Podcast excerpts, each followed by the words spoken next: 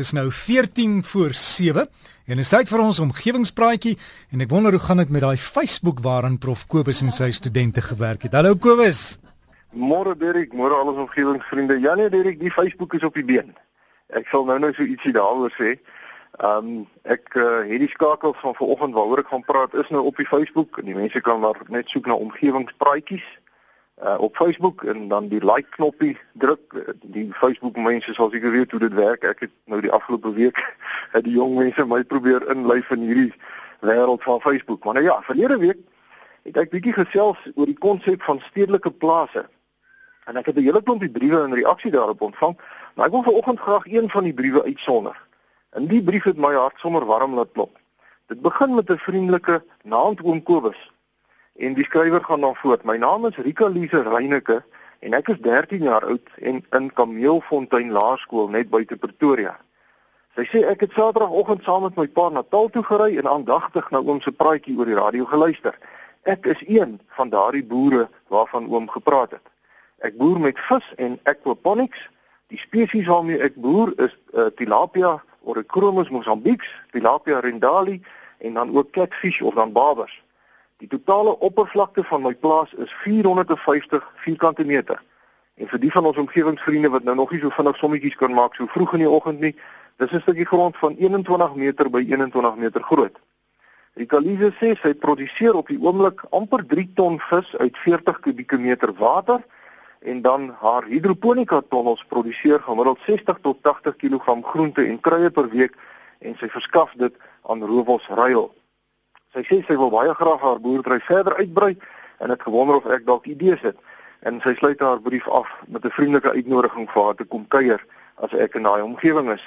En sy het ook vir my 'n skakel na haar YouTube video wat nou oor haar boerdery gaan gestuur wat ek op die omgewingspraatjies webwerf uh, gesit het of nou nie webwerf nie die Facebook bladsy. Want sy sê sy is nogal trots daarop en ek dink met reg. Hoe's daai vir 'n jong miljonair in wording, 'n 13 jaar oue dogter wat reeds diep spore trap op die terrein van volhoubare voedselvoorsiening. Dis merkwaardig en ek wil graag vir die Kalise Reyneke van Pretoria hartlik gelukwens met dit wat sy reeds op die been gebring het.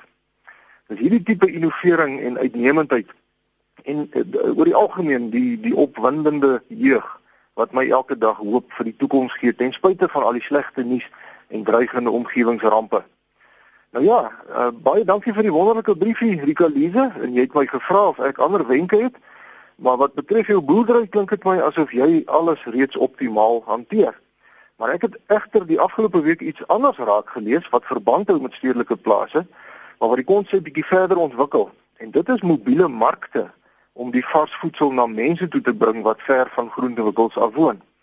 Op die webwerf van Future Perfect word vertel van 'n persoon wat 'n ou skoolbus in Washington DC in Amerika gekoop het en dit omskep het in 'n mobiele mark. Die man se naam is Michael Bevan en hy het die Arcadia sentrum vir volhoubare voedsel en landbou op die been gebring omdat hy agtergekom het dat daar veral in die armer dele van die stad 'n gebrek aan supermarkte is. In Washington se armer wyke is daar byvoorbeeld slegs een winkel vir elke 2.500 mense terwyl daar natuurlik heelwat meer winkels in die welvarende woonbuurte is. Nou hierdie gebrek aan veral groentewinkels maak dit baie moeilik vir armer huishoudings om hulle gesinne behoorlik te voed met voedsame voedselsoorte en die omgeboude skoolbus is reeds sedert 2012 besig om twee keer elke dag vir 'n uur of wat in vier verskillende woonbuurte in Washington te stop sodat armer mense makliker toegang kan hê tot vars produkte. En die bus gaan ook by klinieke en ouerhuise aan en stop ook in verskeie parke. Ek dink dis 'n uitstekende idee, idee om so 'n mobiele mark te koppel met 'n intensiewe plaas soos byvoorbeeld Rikalisesin, want dan besit die boer die hele waardeketting en maak dus optimale wins terwyl die lewe vir die armer dele van ons bevolking baie makliker gemaak word en daar natuurlik terselfdertyd sommer ook 'n goeie slag vir omgewingsvolhoubaarheid geslaan word. Ehm um, Rikalise, nog eens baie dankie vir jou briefie. Ek waardeer dit opreg en baie baie sterkte en voorspoed met jou pragtige inisiatiewe. Dan omgewingsvriende iets heeltemal anders en dit gaan oor hidrobreking in die Karoo. Meneer Gert Kloete skryf vir my dat hy terwyl hy na my praatjie van so 'n paar weke gelede geluister het wat nou gegaan het oor hidrobreking, sy vrou op daai selfde oomblik toevallig besig was om in die Amerikaanse tydskrif The New Yorker se uitgawe van 13 April 'n artikel te lees en dit het gegaan oor die toename in aardbewings in Oklahoma. Nou daar word genoem dat daar voor 2008 gemiddeld slegs 2 aardbewings per jaar van groter as 3 op die Richterskaal was. Maar sedert hierdie hidrobreking nou op groot skaal toegepas is in Oklahoma, het die aardbewings ook op groot skaal toegeneem sodat daar in 2014 585 sulke aardbewings was. Nou hy sê dat alhoewel die aardbewings soortgelyk in uh, in intensiteit is as die wat soms op die Witwatersrand voorkom, is hy bekommerd oor die toename en hy vra wat die moontlike uitwerking van al die klomp aardbewings op waterbronne in die Karoo kan wees. Hy sê dat Tutulbag destyds in 1969 'n aardbewing ervaar het, daar oral in die Boland ontwrigting was van ondergrondse waterbronne en hy het gehoor van wingerdboere in die Heksriviervallei wat hulle water kwyt was en by Goudini het die warmbron glo opgedroog en hulle moes gate boor om die warm water weer op te spoor. Baie dankie meneer Kloete vir u brief en u is heeltemal reg met u bewering dat daar baie getuienis is dat hidrobreking 'n toename in aardbewings veroorsaak. En die rede daarvoor is eintlik maklik om te verstaan want groot areas wat nou soliede gesteente laag is, word uitmekaar gekraak en vol water gepomp met die gevolg dat daar 'n swak plek in die kors geskep word waar langs beweging maklik kan plaasvind. En gelukkig is dit baie duidelik dat hidrobreking slegs 'n toename in die aantal aardbewings veroorsaak en nie ook 'n toename in die intensiteit van die aardbewings nie. Omdat hoe meer aardbewings daar is, hoe meer geleentheid is daar vir die spanning in die gesteentelaag om ontlont te word. Met ander woorde, daar gaan nie dekades verby waar tydens die spanning aanhou opbou en opbou en opbou sodat die dag wanneer die gesteentes nou wel skuif, dit 'n reuse aardbewing veroorsaak soos wat ons nou onlangs onlangs in Tibet gesien het nie. Nou die risiko van meer aardbewings in die Karoo is egter 'n aspek wat baie definitief in ag geneem sal moet word in die omgewingsinvloedanalises wat gedoen sal moet word vir elke hidrobreking boorgat. En ek wil graag vanoggend dit net weer eens op al ons omgewingsvriende se harte druk dat publieke deelname met betrekking tot hidrobreking van kardinale belang gaan wees.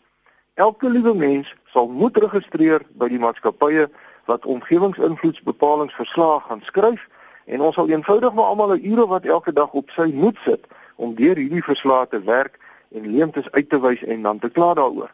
Want as ons soos wat die meeste van ons gewoonte is, eenvoudig maar gaan sit en kyk hoe dinge rondom ons gebeur sonder om moeite te doen om aktief deel te neem, dan mag ons nie om die braaivleisvure later kla as dinge dalk skeef geloop het nie. Erik, ja, die skakels soos wat ek gesê het na vanoggend se onderwerpe is op die Facebook bladsy beskikbaar wat my jong kollega Rudy van der Merwe van Noordwes Universiteit vir my gehelp het om op die been te kry. Baie dankie Rudy. So ons omgewingsvriende kan maar net soek vir omgewingspraatjies op Facebook. Die bladsy se naam is Omgewingspraatjies.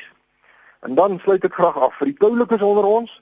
Is daar goeie nuus? Ek sien dat die son so vir die volgende week of wat nog hier in Potchefstroom om presies 7 7 uur die oggend sy koppie gaan uitsteek, maar op 13 Julie gaan hy begin om weer vroeër op te kom. Maar die son het reeds op 13 Junie alweer begin om later in die middag onder te gaan. So die dae is reeds alweer besig om langer te word en ons is nou amptelik op pad na die somer toe. Uh as u vir my wil skryf, my e-posadres is kobus.vanderwalt@nwu.ac.za of u kan my kry by die fakulteit Natuurwetenskappe, Noordwes Universiteit, Potchefstroom 2520. Vriendelike groete tot 'n volgende keer. Kom as ek het klaar genoeg op jou Facebook hoor. O, oh, nou maar mooi. is is jy tevrede Derek? Jy's so aangehou daaroor. ja, nee, ek is tevrede want die inligting is nou daar net maak dit vir ons baie makliker is, is net ek sien daar's 'n foto van wie's die ou op die op die bladsy, is dit jy? Man, ja, maar hy's goed gedokter hoor.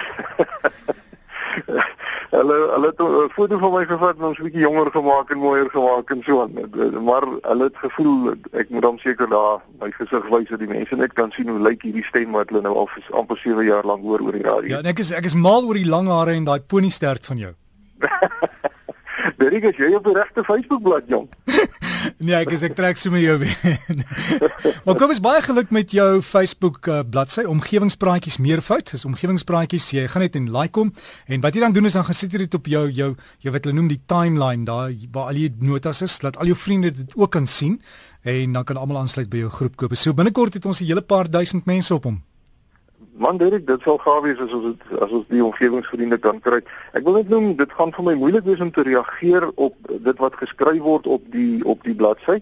As uh, maar my kontakbesonderhede is ook op die op die uh, bladsy. So as mense wil hê ek moet reageer op iets, stuur asseblief vir my 'n e-pos. Andersder gaan ek heeldag moet sit en Facebook doen en, en dit gaan die universiteit nie baie van hou nie. So gesels ons dan met Prof Kobus van der Walt, hy's van Noordwes Universiteit en daai omgewingspraatjie bladsy dan is op Facebook is omgewingspraatjies. Ek moet net daar gaan soek en hou daarvan en dan kan jy inligting ook daar kry.